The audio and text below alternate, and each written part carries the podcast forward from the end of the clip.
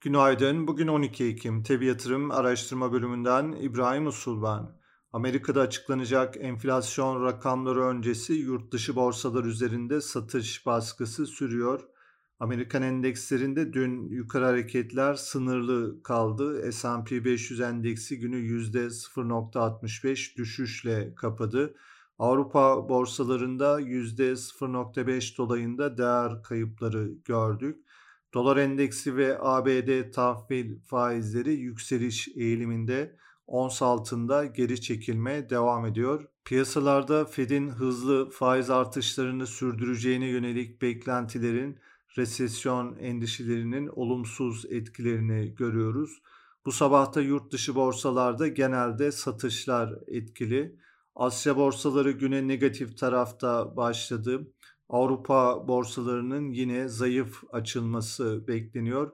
Ancak Amerikan endekslerinin vadeli tarafta toparlanmasının sabah açılışa göre piyasalar üzerinde satış baskısında bir miktar durulma sağladığını görüyoruz. Petrol fiyatları hafta başından beri gevşiyor. Brent tipi petrolde güne başlarken 93 dolar seviyesinin altı test ediliyor. Amerika'da bugün Türkiye saatiyle 15.30'da Eylül ayı üfe rakamları açıklanacak.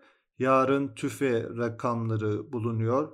Bu akşam Fed'in son toplantısına ilişkin tutanaklar gelecek.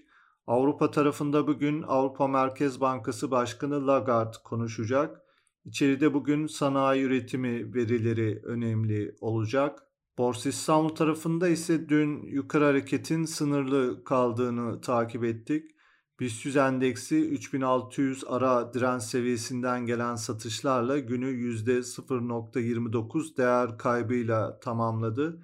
Borsa İstanbul'da son iki haftadır etkili olan yükseliş eğiliminde teknik olarak bozulma görmüyoruz.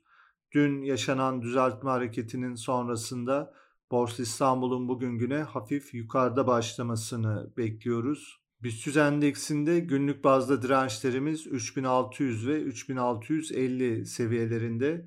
Destek olarak 3540 ve 3500 seviyelerini izliyoruz. Hisse tarafında endekste yükselen hareket içinde teknik olarak BİM, Coca-Cola, Doğan Holding, Garanti Bankası, Korsa, Şok Marketler, TAV Havalimanları, Türksel, Ülker, Vestel Beyaz Eşya, Yapı Kredi Bankası hisseleri olumlu tarafta takip edilebilir. Piyasaları değerlendirmeye devam edeceğiz. Tabi yatırım olarak herkese iyi bir gün dileriz.